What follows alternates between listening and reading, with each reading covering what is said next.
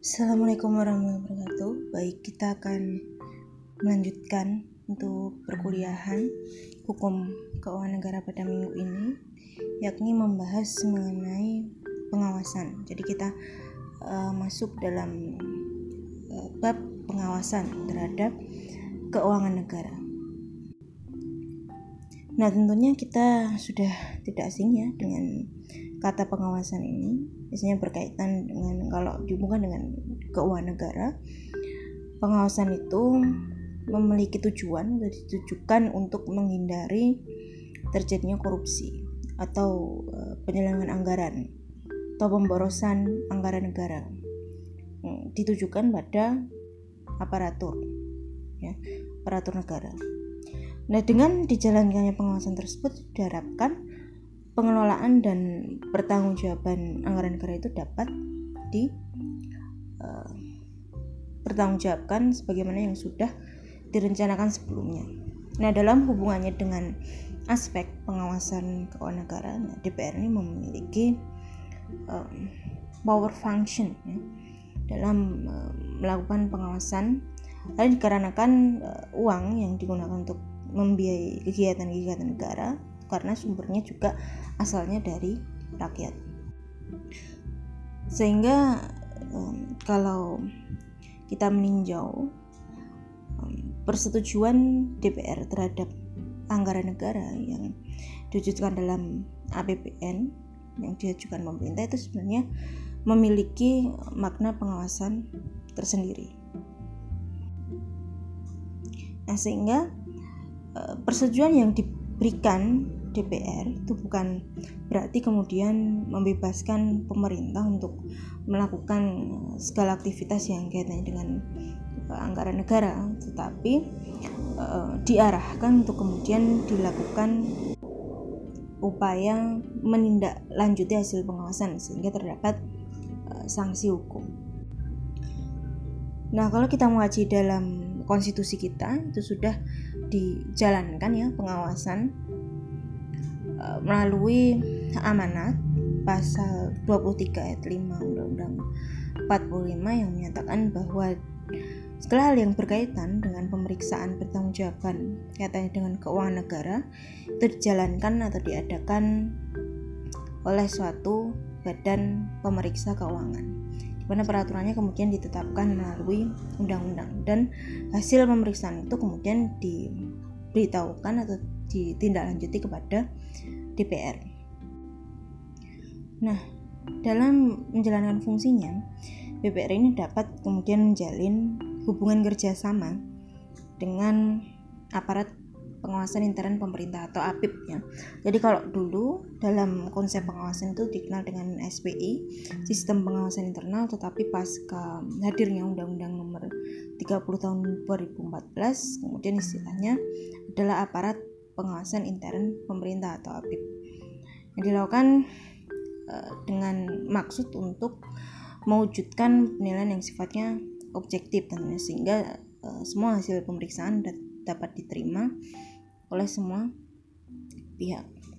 Nah, di sini konsekuensinya BPK kemudian uh, diharapkan dapat melakukan pengujian hasil pemeriksaan yang dilakukan aparat pengawas internal pemerintah yang kemudian dapat ditindaklanjuti ke DPR. Jadi dalam fungsinya BPK saya bekerja sama dengan APIP.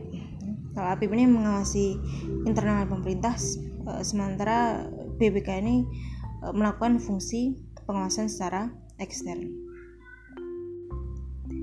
Nah, sehingga kalau dulu kita juga mengenal BPKB ya, dan pengawasan eh, keuangan, dan pembangunan. Yang sekarang terangkap semuanya dalam APIP, Aparat Pengawas Intern Pemerintah. Itu ditujukan tujuannya untuk melakukan pengawasan terhadap keuangan negara yang dilakukan secara intern dalam lingkup organisasi pemerintah. Nah, jadi kalau dulu itu bedanya dengan sekarang, kalau dulu itu Eh, selain BPKP itu dibentuk um, aparat pengawasan fungsional pemerintah baik di pusat seperti Inspektorat Jenderal Pembangunan kemudian Inspektorat jenderal, departemen atau unit pengawasan lembaga dan ada juga pengawasan fungsional uh, yang ada dalam pemerintah provinsi maupun pemerintah kabupaten atau kota. Nah, sekarang semuanya terorganisir menjadi satu dalam uh, struktur PIP itu sendiri. Ke mana kemarin baru uh, saja ada pembaruan dalam bentuk PP atau peraturan pemerintah yang menyatakan bahwa APIP itu uh, diangkat oleh instansi yang ada di atasnya. Jadi kalau, kalau dulu itu uh, sebelum keluar PP yang terbaru itu uh, misalnya APIP yang ada di kabupaten atau kota itu pertanggungjawabannya mesti kepada uh, bupati atau wali kota. Tapi sekarang tidak. Jadi APIP yang berada di uh, kabupaten atau kota itu pertanggungjawabannya di uh, tingkat provinsi. Jadi instansi yang berada di atasnya di atas kabupaten atau kota. Itu juga untuk yang APIP provinsi otomatis pertanggungjawabannya dapat pada kementerian. Nah, kalau ditinjau dalam implementasinya, selama eh, kurang lebih 4 tahun berturut-turut ya, LKPP atau Laporan Keuangan Pemerintah Pusat itu selalu memperoleh atau mendapatkan opini disclaimer dari BPK. Ini alasannya karena pemerintah tidak bisa Eh, meyakinkan atau memberikan uh, keyakinan yang mem memadai mengenai uh, laporan keuangannya. Jadi masih terdapat banyak keraguan di dalam LKPP yang dilaporkan oleh pemerintah pusat dalam hal ini mencakup misalnya tentang pengelolaan aset negara dan pelaksanaan kegiatan dan anggaran serta pertanggungjawabannya. Jadi eh, ini salah satu faktornya itu karena pemerintah belum memiliki sistem pengendalian intern. Di mana hal ini sudah diamanatkan melalui uh, Undang-Undang Perbendaharaan Negara ya nomor 10 nomor 1 tahun 2004 pasal 58 ayat 1. Nah, jadi dulu tuh dalam implementasinya aparat penguasaan internal tidak memiliki uh, challenge ya atau memiliki uh, kesempatan dalam melakukan review sebelum LKPP ini uh, diperiksa oleh BPK. Nah, padahal uh, quality assurance ini penting. Jadi review dari APP ini penting sebelum LKPP kemudian uh, dilakukan pengecekan oleh BPK. Nah, ini juga Eh, ketika dilaksanakan di daerah juga tidak berbeda jauh ya dengan apa yang terjadi dalam laporan keuangan eh, pemerintah daerah. Pemerintah daerah yang laporan keuangannya itu mendapatkan opini wajar tanpa pengecualian itu hanya sedikit sekali ya dari seluruh Pemda yang ada di negara ini. Tentunya tanpa proses review dari APIP ini tidak ada uh, deteksi dini atas potensi uh, ketidakwajaran laporan keuangan dan kualitas uh, laporan keuangan pemerintah. Nah, itu dulu bedanya dengan sekarang. Makanya um, sebelum diperiksa oleh badan eksternal, proses review yang dilakukan oleh APIP ini menjadi semacam uh, dari diterapkannya fungsi quality assurance untuk memastikan bahwa kualitas laporan keuangan pemerintah yang dihasilkan itu sudah uh, cukup memadai.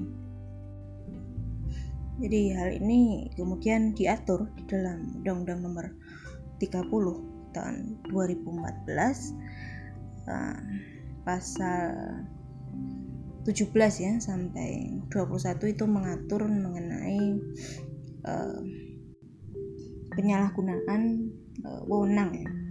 Di mana di pasal-pasal uh, sekitar pasal 18 sampai 19 nah itu sebelum uh, perbuatan atau tindakan atau keputusan yang dibuat oleh pejabat pemerintah itu dapat di dinilai uh, merugikan uh, keuangan negara dalam aspek pidana, nah itu bisa di review terlebih dahulu melalui APIP secara internal. Nah, sehingga sekarang mengenai konsep penyalahgunaan wewenang yang dilakukan oleh pejabat pemerintah itu tidak mesti upaya pendanaan itu dipakai sebagai uh, langkah pertama dalam uh, penyelesaian perkara ya perkara tindakan yang dinilai merugikan keuangan negara. Nah, sehingga penerapan asas ultimum remedium menjadi cukup penting. Eh, sehingga sekarang yang didahulukan adalah aspek administrasinya dulu. Jadi tidak uh, mesti tindakan yang dinilai telah menyalahgunakan keuangan negara itu serta merta uh, diupayakan melalui jalur pidana dulu sebagai langkah awal. Nah, sekarang kita masuk ke landasan hukum dari pertanggungjawaban pelaksanaan APBN. Nah, ini sudah diatur ya secara yuridis diatur di dalam pasal 30 Undang-Undang Nomor 17 Tahun 2003 tentang keuangan negara dan um, ketentuan dalam Undang-Undang APBN yang bersangkutan bahwa di sini presiden memiliki kewajiban untuk menyampaikan RUU tentang pertanggungjawaban pelaksanaan APBN berupa laporan keuangan. Di mana batas waktu penyampaian LK ini kepada DPR tidak sama ya dari suatu tahun anggaran dibandingkan dengan tahun anggaran lainnya. Misalnya dalam tahun anggaran 2004 itu batas waktu penyampaian laporan keuangan adalah 9 bulan mulai tahun anggaran 2005 nah itu batas waktunya menjadi diperpendek menjadi enam bulan jadi eh, tidak sama antara tahun anggaran eh, yang satu dengan tahun anggaran sebelumnya atau selanjutnya nah sekarang mengenai prosedur penyusunan RU pertanggungjawaban pelaksanaan APBN.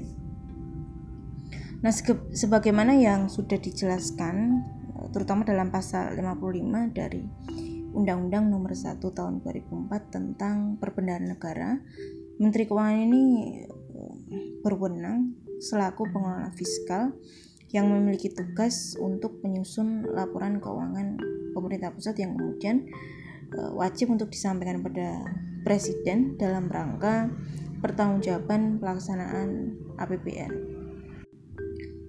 Nah, prosedur sebelumnya menteri atau pimpinan lembaga terkait selaku pengguna anggaran atau pengguna barang Menteri Keuangan menyampaikan laporan keuangan yang meliputi laporan realisasi anggaran kemudian neraca, laporan arus kas maupun catatan atas Eh, LK yang dilampiri serta laporan keuangan BLU dan layan umum pada Kementerian Negara atau lembaga masing-masing kepada Menteri Keuangan. Selambat-lambatnya dua bulan setelah tahun uh, anggaran berakhir. Jadi semua menteri atau pimpinan uh, lembaga dalam semua kementerian negara atau uh, kelembagaan masing-masing menyampaikan laporan keuangan tadi meliputi e, neraca, arus gas dan lain sebagainya e, beserta laporan keuangan BLU disampaikan kepada Menteri Keuangan selanjutnya dua bulan setelah tahun anggaran berakhir. Nah, sebagai entitas pelaporan, laporan keuangan Kementerian Negara atau lembaga ini sebelumnya sudah dilakukan pemeriksaan oleh BPK dan diberi opini atas laporan keuangan. Di sebelumnya sudah melalui pemeriksaan BPK, baru kemudian disampaikan di uh, Menteri Keuangan. Nah, tahapan penyusunan LKPP selanjutnya oleh Menteri Keuangan laporan-laporan atas pertanggungjawaban pengguna anggaran maupun uh, pengguna barang tersebut dikonsolidasikan menjadi atau disusun menjadi laporan keuangan pemerintah pusat sebagai bagian pokok dari rancangan undang-undang tentang pertanggungjawaban pelaksanaan APBN yang kemudian akan disampaikan Presiden kepada DPR. DPR otomatis melalui alat kelengkapannya, komisi-komisi, kemudian membahas RUU pertanggungjawaban pelaksanaan APBN dengan pihak pemerintah. Jadi tahapan tahapannya seperti itu eh, mengenai penyusunan LKPP diawali dengan eh, semua kelembagaan negara atau kementerian negara dulu menyampaikan laporan kemudian baru diolah Menteri Keuangan menjadi LKPP. Nah, pembahasan yang dilakukan itu memperhatikan hasil pemeriksaan eh, dan opini dari BPK. Nah, kalau sudah dibahas berdasarkan hasil pembahasan yang sudah dilakukan, DPR kemudian bisa melakukan afirmasi atau persetujuan terhadap RUU tersebut kepada pemerintah untuk kemudian diundangkan menjadi undang-undang pertanggungjawaban e, pelaksanaan APBN.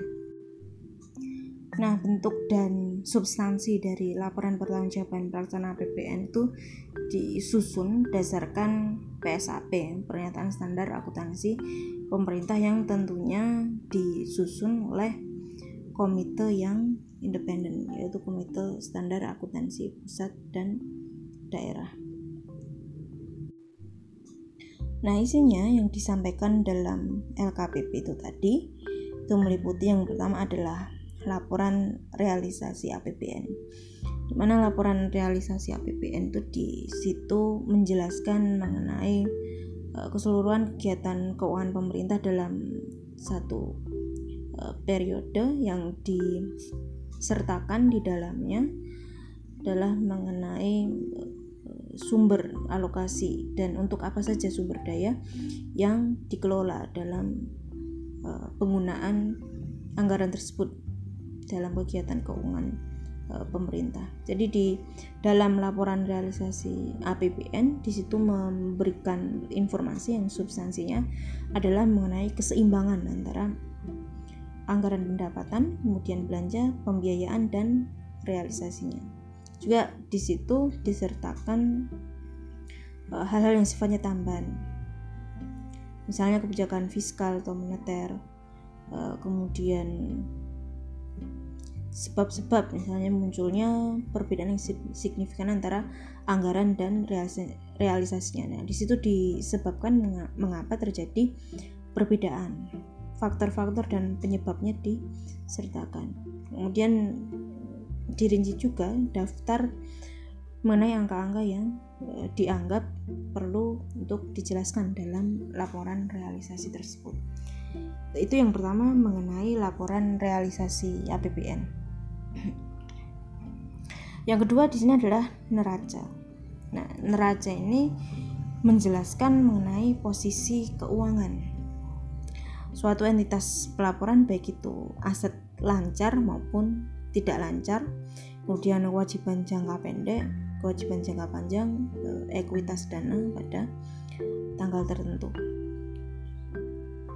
Jadi neraca tingkat pemerintah pusat itu otomatis merupakan hasil gabungan antara atau konsolidasi dari neraca tingkat kementerian atau keseluruhan lembaga yang ada dalam negara sehingga di dalam neraca itu dijelaskan mengenai uh, pos aset itu ke mana saja kemudian kewajiban yang ada di dalamnya serta um, kuantitas jumlah yang diharapkan akan dibayarkan dalam jangka waktu 12 bulan setelah tanggal pelaporan dan jumlah uang yang diharapkan diterima dalam waktu 12 bulan nah, itu mengenai e, neraca yang ketiga yang tidak boleh terpisah di dalam LKPP yaitu mengenai laporan arus kas.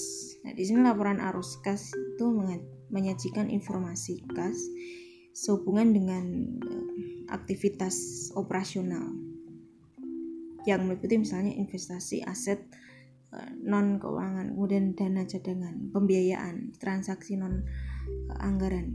Di situ menggambarkan saldo awal, penerimaan, pengeluaran dan saldo akhir. Jadi, laporan arus kas itu pada dasarnya memberikan substansi atau informasi mengenai arus apa saja yang masuk dan keluar dari kas pemerintah dalam periode berjalan atau periode laporan sehingga kita tahu dari arus tes itu informasi mengenai uh, pengaruh dari apa dampak kegiatan atau aktivitas yang uh, dilakukan oleh pemerintah dan dampaknya terhadap posisi kas pemerintah. Nah, sehingga kalau kita mengkaji mengenai pengawasannya terhadap pelaksanaan APBN ini dapat dibagi menjadi dua sistem pengawasan yang utama. Yang pertama adalah sistem pengawasan keuangan negara yang dilakukan oleh DPR maupun BPK. Nah, yang kedua adalah sistem pengawasan pemerintah yang dilakukan oleh APIP tadi yang sudah saya jelaskan.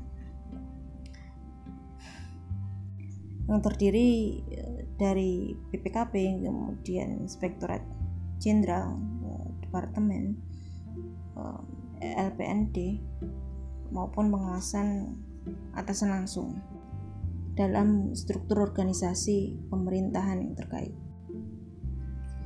Nah, sehingga sistem pengawasan pemerintah. Itu kalau yang tadi sistem pengawasan keuangan negara yang dijalankan oleh BPK itu kemudian dikenal sebagai sistem pengawasan ekstern kemudian tadi yang dijalankan oleh APIP BPKP Inspektorat Jenderal eh, Inspektorat maupun eh, Inspektorat Kabupaten atau Kota nah itu dijalankan melalui sistem pengawasan internal pemerintah. Jadi ada dua. Yang satu dijalankan secara eksternal yang satu dijalankan secara internal. Nah sehingga dalam eh, aturan yang sudah dibuat di dalam Undang-Undang Nomor 17 Tahun 2003 tentang Keuangan Negara, laporan pertanggungjawaban pelaksanaan APBN itu tidak-tidaknya mengandung eh, yang saya jelaskan tadi, laporan realisasi anggaran, kemudian neraca, laporan arus kas dan catatan atas laporan keuangan sesuai yang disusun sesuai dengan standar akuntansi pemerintah di mana LKPP sendiri yang telah diperiksa oleh BPK, kemudian harus disampaikan pada DPR selambat-lambatnya enam bulan setelah berakhirnya tahun anggaran yang bersangkutan. Nah, dalam hal akuntabilitas pengelolaan keuangan negara, menteri atau pimpinan lembaga selaku pengguna barang atau pengguna uh, anggaran ini memiliki tanggung jawab tentunya terhadap pelaksanaan kebijakan yang ditetapkan dalam undang-undang APBN itu sesuai tidak ya. jadi eh, input uh, sesuai tidak dengan outcome atau output yang dihasilkan. Nah, sebagai konsekuensinya dalam Undang-Undang Nomor 17 Tahun 2003 kemudian diatur mengenai sanksi yang dapat diberlakukan bagi menteri atau pimpinan lembaga serta pimpinan unit organisasi kementerian dari keseluruhan Eh, lembaga atau kementerian yang uh, jika terbukti melakukan penyimpangan terhadap kegiatan yang uh, dulunya sudah direncanakan sesuai undang-undang APBN itu dibagi lagi menjadi upaya preventif dan represif mengenai sanksi yang uh, diberlakukan sebagai jaminan agar undang-undang APBN ini uh, selalu ditaati. Nah, itu secara yuridisnya seperti itu. Nah, mengenai sanksi eh, yang dimaksudkan tadi sebagai upaya preventif maupun represif itu sudah diatur ya dalam eh, kalau kalian lihat dalam pasal 34 Undang-Undang Nomor 17 Tahun 2003 tentang keuangan negara.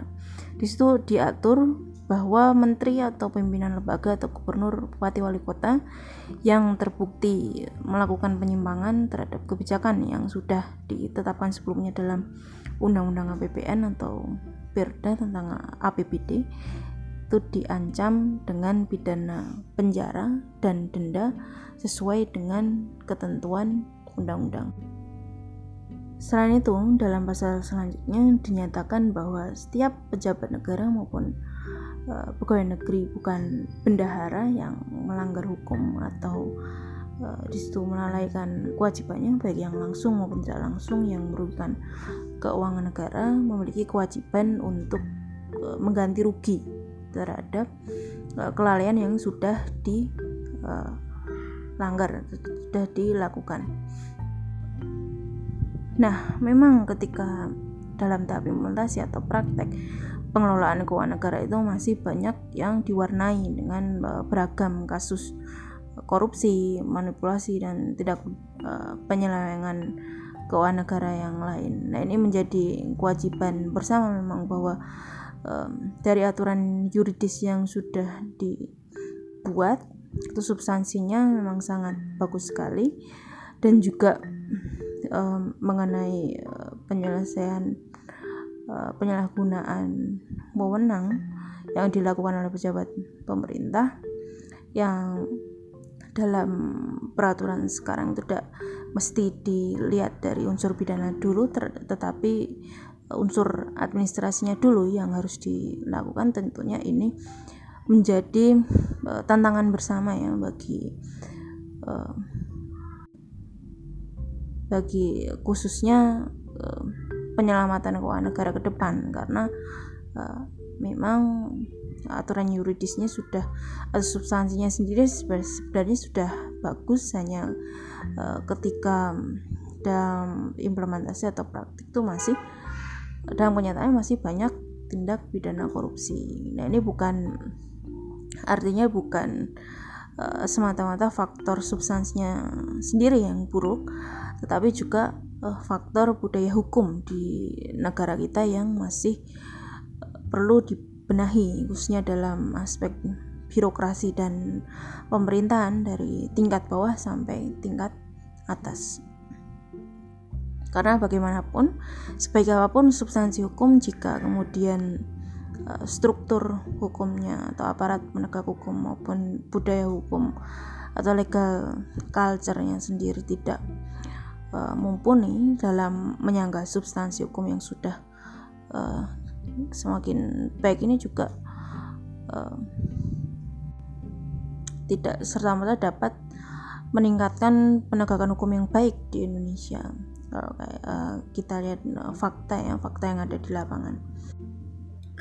Nah sebenarnya kalau dikaji lebih lanjut persoalan korupsi yang sudah mengakar dalam budaya hukum di negara kita itu bukan lagi sekedar uh, persoalan etis moral.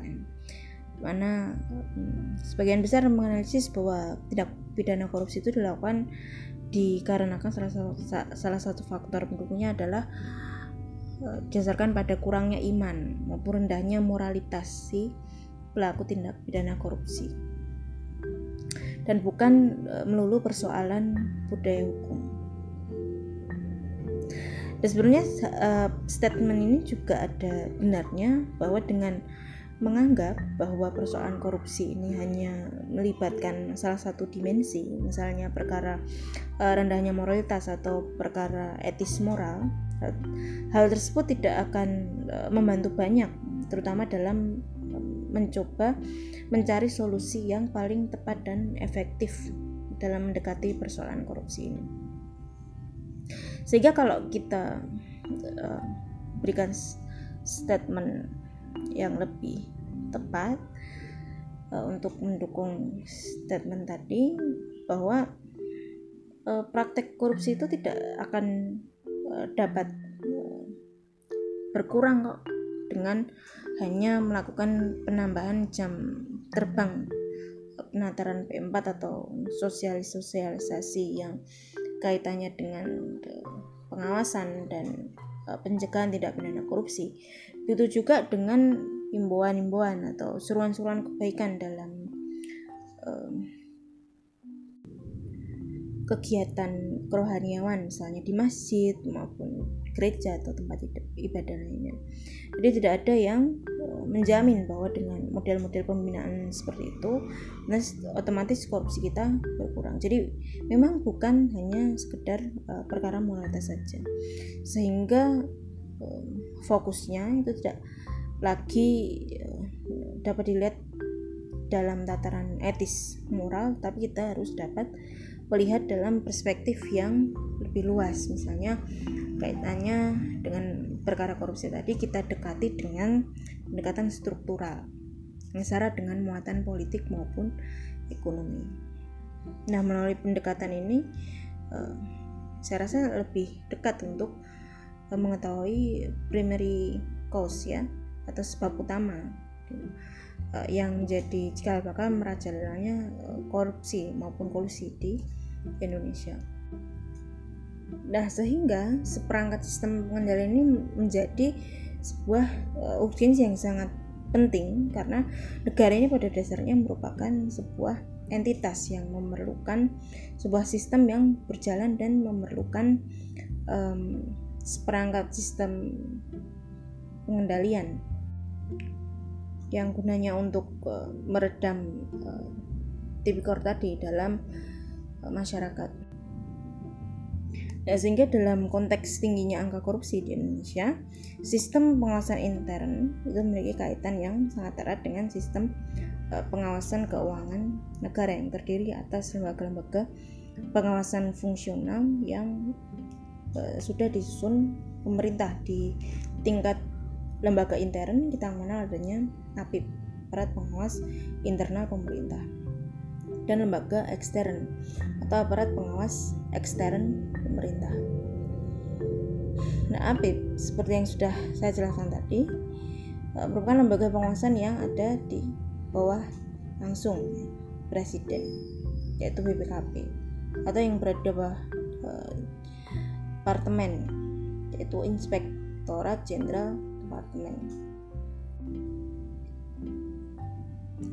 atau Inspektorat Jenderal Departemen Dalam Negeri yang merupakan lembaga pengawas fungsional yang kedudukannya ada di setiap wilayah provinsi yang terdiri dari Inspektorat Wilayah Provinsi, uh, Kabupaten atau Kota. Nah, sementara pengawasan ekstern dijalankan oleh BPK sendiri, kemudian DPR maupun masyarakat. Nah, dengan adanya lembaga pengawasan yang berlapis-lapis itu sendiri juga tidak dapat menjamin tingkat korupsi dan kolusi di Indonesia kemudian e, menjadi menurun seperti itu. Nah, ini karena penyebabnya sendiri itu ada dua. Yang pertama adalah kurang berdayanya fungsi dan peranan lembaga pengawasan intern atau ekstern dan juga format perpolitikan Indonesia yang kurang mendukung upaya pemerintahan korupsi dan kolusi itu sendiri.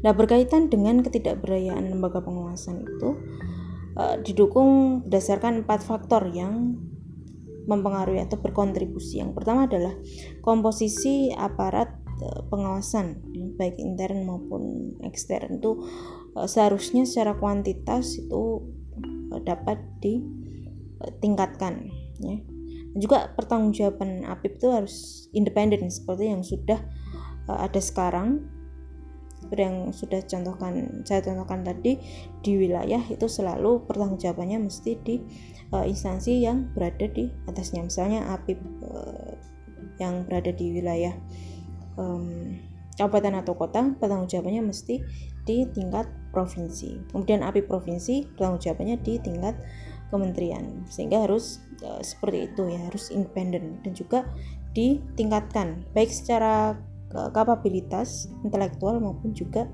kuantitasnya. Yang kedua adalah uh, karena faktor kurang koordinasi sendiri atau kurang adanya kerjasama antara lembaga pengawasan yang satu dengan lembaga pengawasan yang lain antara internal dan eksternalnya kurang terjalin kerjasama yang baik.